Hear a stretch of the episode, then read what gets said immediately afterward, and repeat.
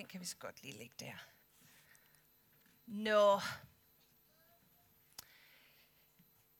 Da jeg gik i børneklub for et par år siden, der var der en sang, der hed Jeg vil ligne Daniel, og jeg vil ligne Ruth.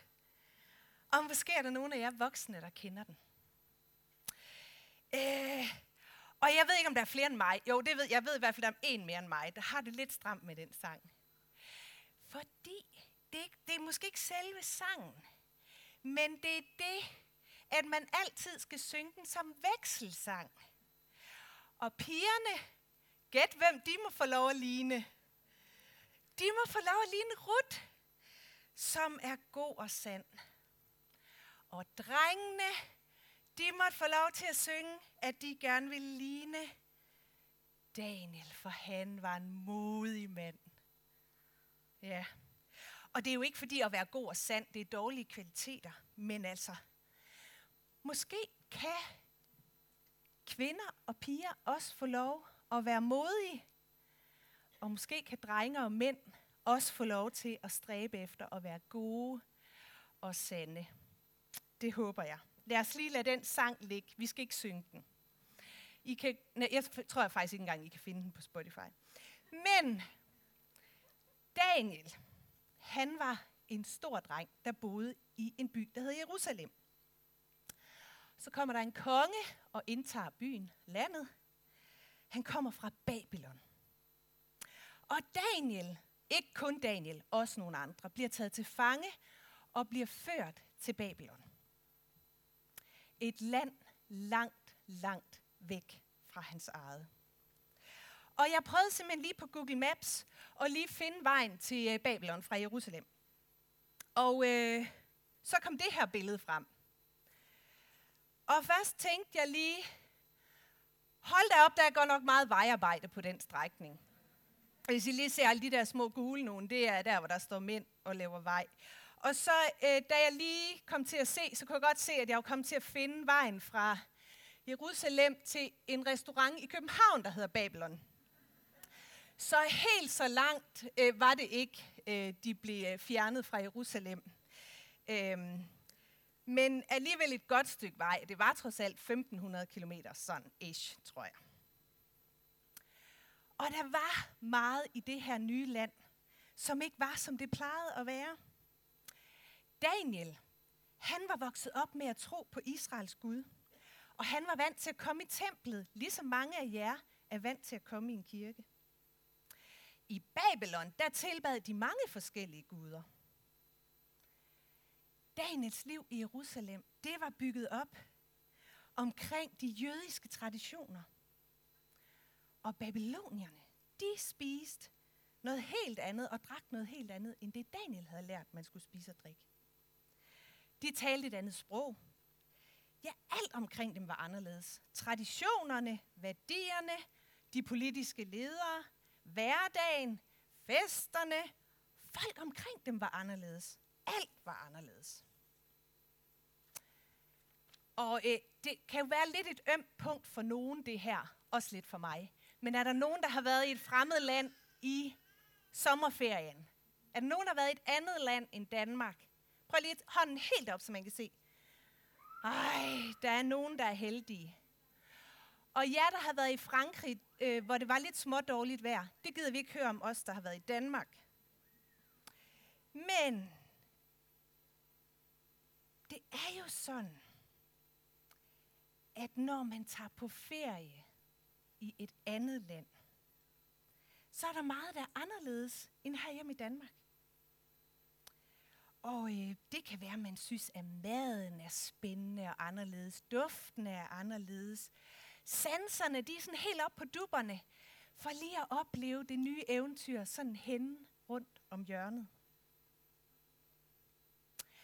Men nogle af jer, der kommer her i kirken, I kender alt for godt, hvad det vil sige at blive tvunget til at flygte til et fremmed land. Hvor alting er meget anderledes end derhjemme. Og det tror jeg faktisk ikke, der er nogen af jer, der vil betegne som hverken spændende eller særlig eventyragtigt. Nok snarere det modsatte. Og sådan tror jeg, at Daniel og hans venner, de havde det. De synes ikke, det var specielt spændende. Det var ikke sådan en ferietur til Babylon. Nej, de vidste godt i deres hjerte, at de egentlig hørte til et andet sted. Og det er det første, vi skal stoppe op ved ved Daniel her. Det er, at han måske føler sig lidt fremmed og lidt anderledes. Der står faktisk ikke direkte, Daniel og hans venner længtes hjem, tror jeg ikke. Men der står, at de bliver ved med at leve som israelitter. De bliver ved med at holde fast i deres egne traditioner. Så må ikke de har længtes lidt hjem til Jerusalem. Og jeg tror måske, at vi alle sammen herinde kender til det og længes efter noget. Stort eller småt. C.S. Lewis, måske ved mange af jer, hvem han er. Han har skrevet Narnia-bøgerne om løven Aslan der. Han siger det sådan her, og nu skal vi lige spidse ører og forstå, hvad det er, han siger. Hvis vi finder os selv med et ønske, som intet i denne verden kan tilfredsstille, er det mest sandsynlige, at det er fordi, vi er skabt til en anden verden. Så finder vi det i vores hjerte, at vi længes efter noget, hvor vi ikke rigtig kan finde tilfredsstillelse, så er det måske fordi, at vi i virkeligheden er skabt til at høre til et andet sted. Sådan siger han det.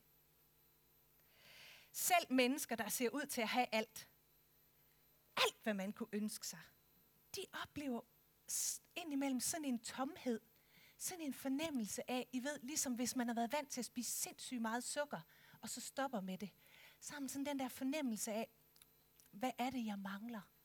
Den tomhed, den er der mange mennesker, der kender, og måske kender du den også selv. For nogen så bliver det særligt tydeligt, hvis man har brugt det første halvdel af sit liv på at stifte familie og få sig et godt arbejde, og så når man dertil i livet, hvor, hvor den opgave den bliver mindre og mindre. Og så føler man sig måske lidt tom. Men længslen, den kender vi alle sammen, tror jeg. Og længes efter at få fri fra skole, eller at blive hentet i børnehaven, man står og tænker, hvornår har de tænkt sig at komme? Eller at man længes efter at få en kæreste, en at dele sit liv med. At man længes efter bedre vejr. Eller efter eventyr, eller efter knap så meget eventyr. Eller et godt job. Måske har vi alle sammen prøvet at længes efter et eller andet. Jeg har lige fundet sådan en øh, pege-ting her. For hvad nu hvis, at den længsel, vi kan mærke i vores hjerte, det vi længes efter, det vi drømmer om, mm, hvad nu hvis det er det, der gør, at længselen peger hen imod Gud? At længselen er en pegefinger hen imod Gud. Altså misforstå mig ikke, det er fantastisk at få tidlig fri fra skole og mæske sig i chokolade og få en kæreste eller få drømmejobbet.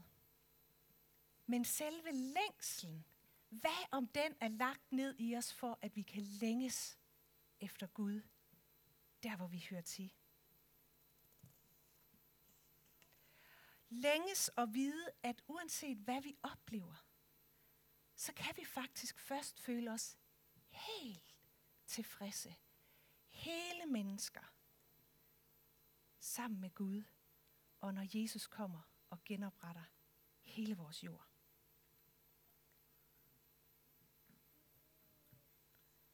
Men i mellemtiden, indtil Jesus han kommer og genopretter, så har han givet os en lille opgave.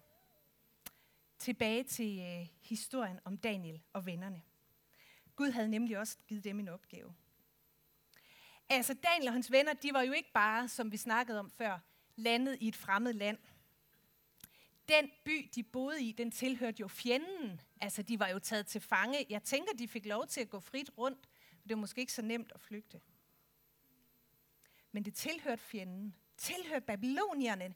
Dem, der var i gang med at ødelægge det Jerusalem, som Daniel og hans venner kom fra. Og de stjal værdifulde ting fra templet, som Daniel og vennerne var vant til at komme i. De havde kidnappet dem væk fra deres familie og taget dem med. Og mens de er her i fjendeland, så kommer der et brev. Altså ved I alle sammen, hvad et brev er? Fordi de voksne griner, for de tænker, det ved alle der. Men det er ikke sikkert, at de har prøvet at få et brev. Men man kan faktisk sende breve stadigvæk, hvor man skriver på et stykke papir, putter det i en konvolut, slikker på et frimærke og sender det afsted, og så kom, mirakuløst lander det et andet sted i landet. Sådan sender man et brev. Sådan var det ikke helt den her gang. Men der er en profet, en mand, som lytter særligt til Gud. Han er stadigvæk i Jerusalem. Han sender et brev til de folk, der er blevet sendt afsted til Babylon. Og Jemias her, han havde ikke selv fundet på de der ord, han skrev. Vi kan lige se her det næste billede her. Gud havde enten visket ham det i øret, eller sagt det til ham i tankerne. Jeg ved ikke helt, hvordan det foregik. Jeg tænkte, hvis jeg skulle have skrevet sådan et brev til Daniel og vennerne, så har jeg nok skrevet, nøj, hvor er det synd for jer, at I skal være der i Babylon. Og det må være frygtelig hårdt, og jeg håber, at I kommer hjem til Israel så hurtigt som overhovedet muligt. Væk fra alle dem, der undertrykker jer og tror på en hel masse guder, og slet ikke tror på Israels Gud. Sådan noget tror jeg, jeg havde skrevet, hvis jeg skulle skrive et brev. Men Jemias, han skriver noget andet. Og det er ord, som Gud har givet ham, og jeg finder det lige hernede i Bibelen, for jeg har lige taget det med her.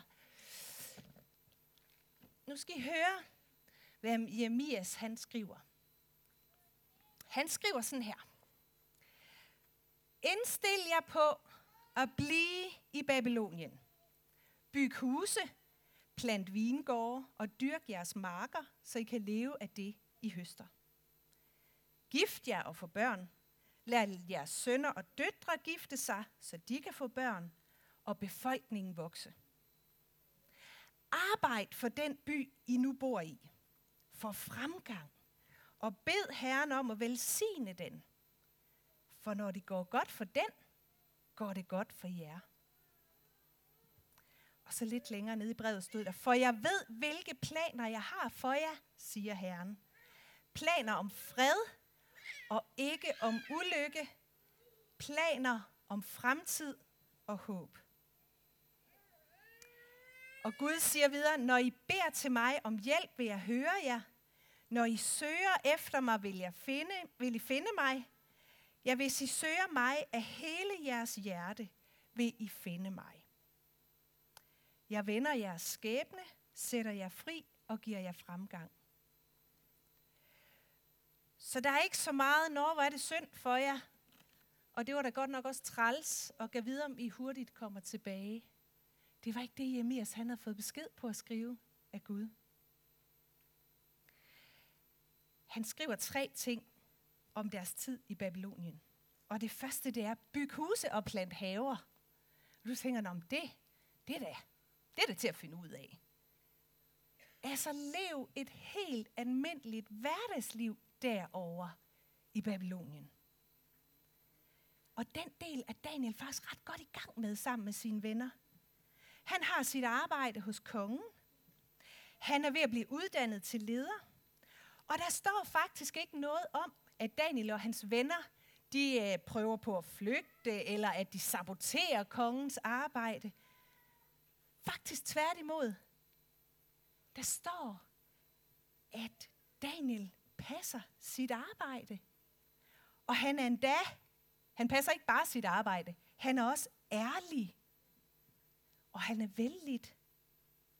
Så på trods af, at han er blevet taget til fange og sendt til et fremmed land, der hvor hans fjender ikke respekterer, hvem han er, og hvad han tror på, så er han alligevel populær. Wow. Altså, jeg ved ikke lige helt for mig selv, eller for dig, hvordan vi synes, det går med at ligne Daniel. Er jeg vældigt? Altså ikke bare af dem, som næsten er nødt til at kunne lide mig, altså mine venner og min familie og min kirke og sådan noget, men også af mennesker, som synes, at mine værdier og det, jeg tror på, at det er totalt langt ude. Altså, det er måske ikke engang bare latterligt. Det er decideret dumt og naivt. Er jeg vældigt af dem? Det næste Jeremias han skriver, det er, at de skal være gode ved folk i byen. Altså, vi minder lige hinanden om, at de skal være gode ved de mennesker, som har kidnappet dem fra deres hjemland.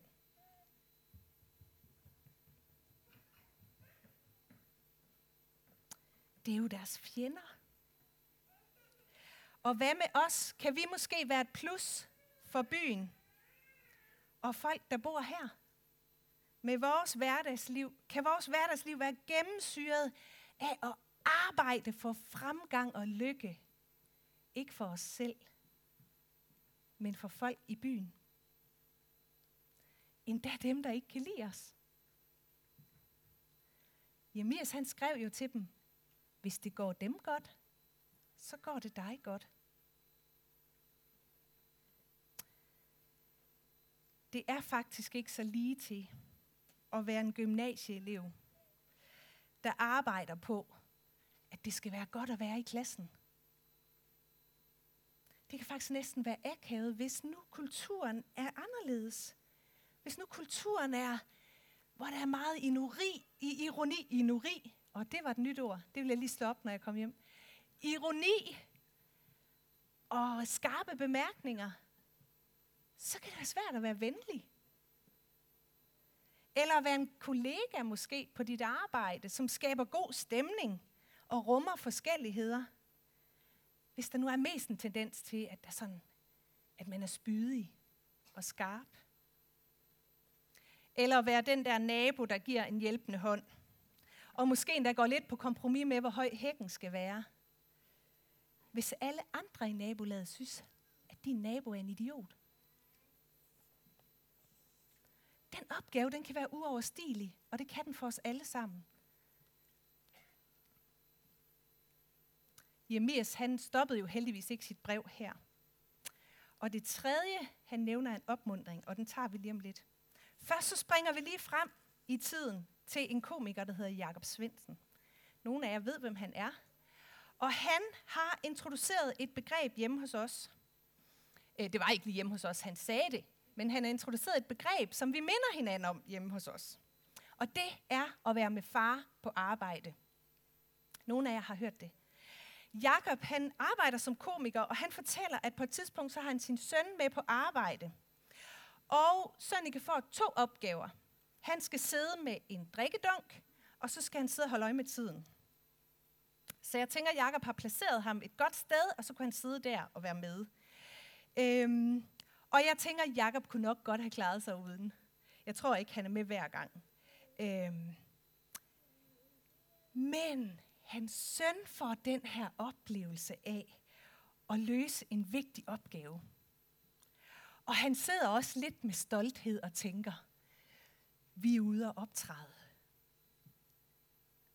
Han ser op på sin far, og han hører, hvordan publikum griner, og han kan mærke, at det her projekt, det lykkes.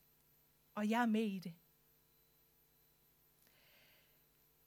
det jeg har faktisk ikke engang selv hørt Jakob fortælle det. Det er min øh, egen Jakob, skulle jeg til at sige, min mand, som har øh, gengivet det. Så hvis nu da Jakob hører det her og tænker, den historie kan der overhovedet genkende, så pointen er der stadigvæk. Men det minder vi hinanden om hjemme hos os. At uanset hvad vi står overfor, og der hvor modet det kan svigte. Når vi ikke orker mere at være en god ven, eller være en god kollega, så minder vi hinanden om, at vi bare er med far på arbejde. At vi har fået noget, vi skal, men det er et andet sted end hos os selv, at vi finder mod til det.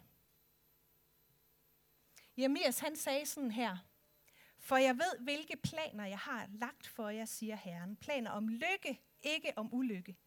Om at give jer en fremtid og et håb. Han minder israelitterne, Daniel, vennerne, alle dem, der er i Babylon, om, at selvom de er i et fremmed land, så er der noget, der ikke har forandret sig. Og som ikke kommer til at forandre sig. Gud har lovet, at han er der, og at han styrer verden. At han er Gud. Den her historie om Daniel, den er ret vild. Altså, der sker nogle ret vilde ting i Daniels liv. Tag og gå hjem og læs den, enten i børnebibelen eller øh, voksenbibelen. Og jeg kan faktisk godt forstå, at der er skrevet sange om Daniels mod. Han er ret modig. Og det er en historie om en mand. En modig mand, som lod Gud være Gud. Uanset hvad der skete, uanset hvem der troede ham, så valgte han at stole på Guds magt, og ikke sin egen magt eller andres magt. Ja, den sidste ting her. Hvis vi drømmer om at være modige som Daniel, så må vi se på, hvad det er, der gør, hvad er det, der gør, vi mister modet nogle gange. Måske er det, fordi vi er bange for at miste anseelse. Det betyder, åh, har det bare ikke så godt med, hvis der er nogen andre, der synes, man er en klovn. Eller man tror på noget latterligt, eller man ikke ser så godt ud, eller åh, der kan være så meget, som er så hårdt at miste. Eller man kan miste indflydelse, eller man kan miste lykke. Daniel, han var faktisk i fare for at miste alt, også sit liv.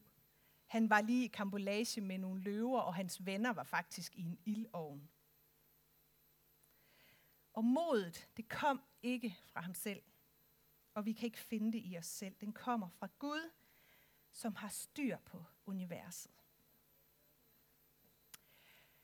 Så lad os øve os i at lade Gud være Gud. Og husk, når vi mister modet, at vi bare er med far på arbejde. Gud er vores far. Han giver os opgaven i vores hverdagsliv. Måske lidt mere end en drikkedunk og et ur. Men det er ham, der gør arbejdet. Og det er hos ham, vi skal finde vores mod til at være i det hverdagsliv.